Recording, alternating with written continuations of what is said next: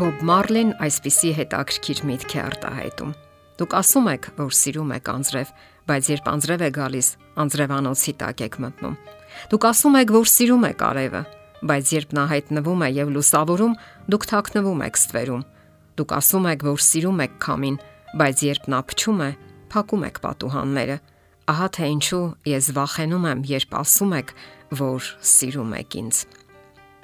Իսկ Մաթեոսի ավետարանում կարդում ենք Հիսուսի խոսքերը։ Ասում եմ ձեզ, եթե ձեր արդարությունը չլինի ավելին, քան դպիրներինն ու փարիսեցիներինը, երկնքի արխայություն չեք մտնի։ Աստվածաբանության մեջ երբեք չեն դադարել օրենքի կարևորության մասին բանավեճերն ու քննարկումները։ Դրանք հրատապ էին նաև Հիսուսի օրերում։ Դպիժներն ու փարիսեցիները վարթապետական ծեսերն ու արարողություններն արհամարելու մեջ մեղադրել են ոչ միայն Քրիստոսին, այլև նրա աշակերտներին։ Հաճախ աշակերտները շփոթվել են ու հուզվել նրանց պախարակումից ու մեղադրանքից, որոնց իրենք ըստ սովորության մեծարել են որպես կրոնական ուսուցիչներ։ Քրիստոսը մերկացրեց այդ խափեությունը։ Փարիսեցիների արդարությունը, որն այդքան արժեքավոր էր մարդկանց աչքին, Քրիստոսը հայտարարեց անարժեք։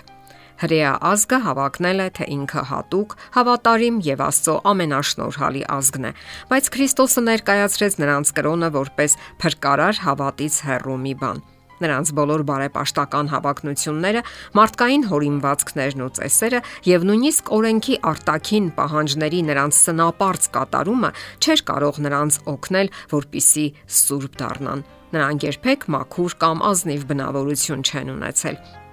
Օրինապաշտական կրոնն անբավարար է, որpիսի հոգին Աստծո հետ ներդաշնակ հարաբերության մեջ լինի։ Փարիսեցիների քար սիրտ, խիստ ուղափառությունը զուրկ լինելով ապաշխարումից, քնքշությունից կամ սիրուց լոգ գայթակար է եղել մեղավորների համար։ Դա նմանվել է համը կորցրած աղի։ Նրանց ազդեցությունն այնքան ուժ չի ունեցել, որ աշխարհը հերրու պահի այլասերվածությունից ու անբարոյականությունից Միակ ճշմարիտ հավատն այն է, որ գործում է սիրով հոգին սրբելու համար։ Հավատը թթխմորի նման պետք է վերափոխի բնավորությունը։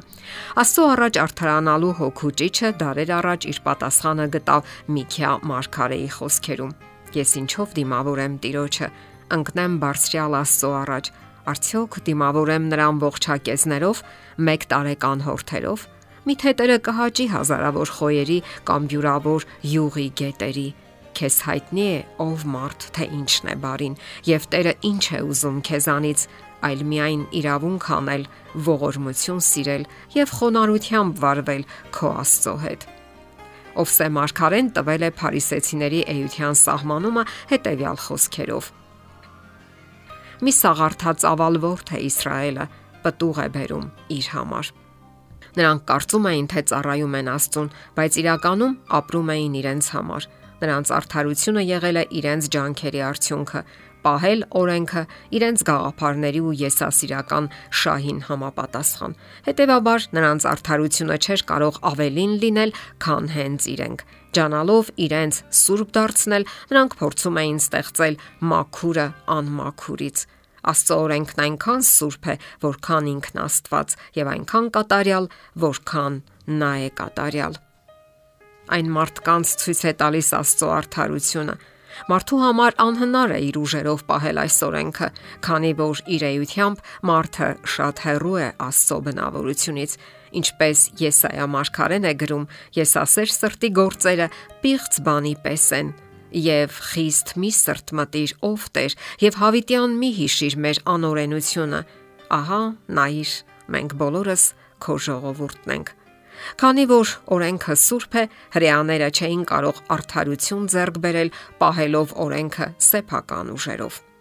Երկնքի արխայություն մտնելու համար Քրիստոսի աշակերտները պետք է ձեռք բերեին արդարություն, որը պետք է տարբերվեր փարիսեցիների արդարությունից։ Եթե նրանք իրենց սրտերը լիովին բացեին Քրիստոսին ընդունելու համար, այն դեպքում Աստծո կյանքը, նրա սերը կլիներ նրանց մեջ, վերափոխելով նրանց Աստծո նմանությամբ։ Աստծո ձրի ապարքեվի շնորհիվ նրանք կտիրապետեին այն արդարությանը, որը պահանջում է օրենքը բայց փարիսեցիները մերժեցին Քրիստոսին, որովհետև Աստծո արդարությունը չգիտենալով եւ իրենց արդարությունը կանգնեցնել կամենալով Աստծո արդարությանը չհնազանդվեցին։ Իսկ Հիսուսը ցույց տվեց իր ունկնդիրներին, թե ինչ է նշանակում պահել Աստծո պատվիրանները, որը տանում է բնավորության կատարելագործման։ Դեռևս Մովսեսի միջոցով Աստված ասել էր. Քո եղբորը սրտումը չատես, վրեժ չառնես եւ քո ժողովրդի ворթիներին ողջ պահես, այլ քո ընկերին սիրես քո անձի պես։ Քրիստոսը կրկին անդրադարձավ այս պատվերին եւ ավելի խստացրեց այն։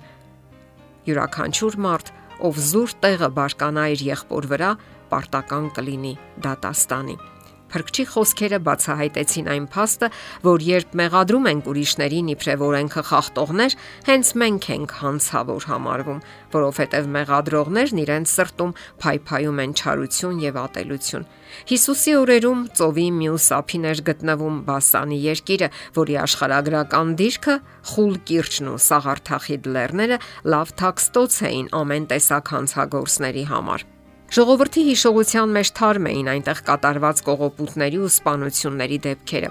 եւ շատերը խանդավառությամբ դատապարտում էին այդ չարագործներին։ Միևնույն ժամանակ հենց նույն այդ դատապարտողները տակարյուն ու կռվարար էին։ Նրանք մեծ ատելություն էին տածում հռոմեական կեղեքիչների նկատմամբ եւ ատում ու արհամարում էին մնացած բոլոր ազգերին եւ նույնիսկ իրենց այն հայրենակիցներին, ովքեր համամիտ չէին իրենց գաղափարների հետ։ Այս բոլոր բաներում նրանք խախտում էին այն օրենքը, որը հայտարարում է սպանություն միանի։ Ահա թե ինչու խստացնելով օրենքի պահանջները Հիսուսն ավելի շեշտադրեց օրենքի կարևորությունը այն մարդկանց համար, ովքեր հայտարարում են, որ օրենքը վերացել է։ Սակայն Աստծո սահմանած օրենքը ցույց է տալիս, որ պահելով այն, մենք վերափոխում ենք մեր բնավորությունը եւ ավելի ու ավելի ենք մոտենում Աստծո չափանիշներին։ Եթերում է ղողանջ հավերժության հաղորդաշարը։ Ձեզ հետ է Գեղեցիկ Մարտիրոսյանը։ Հարցերի եւ առաջարկությունների համար զանգահարել 033 87 87 87 հեռախոսահամարով։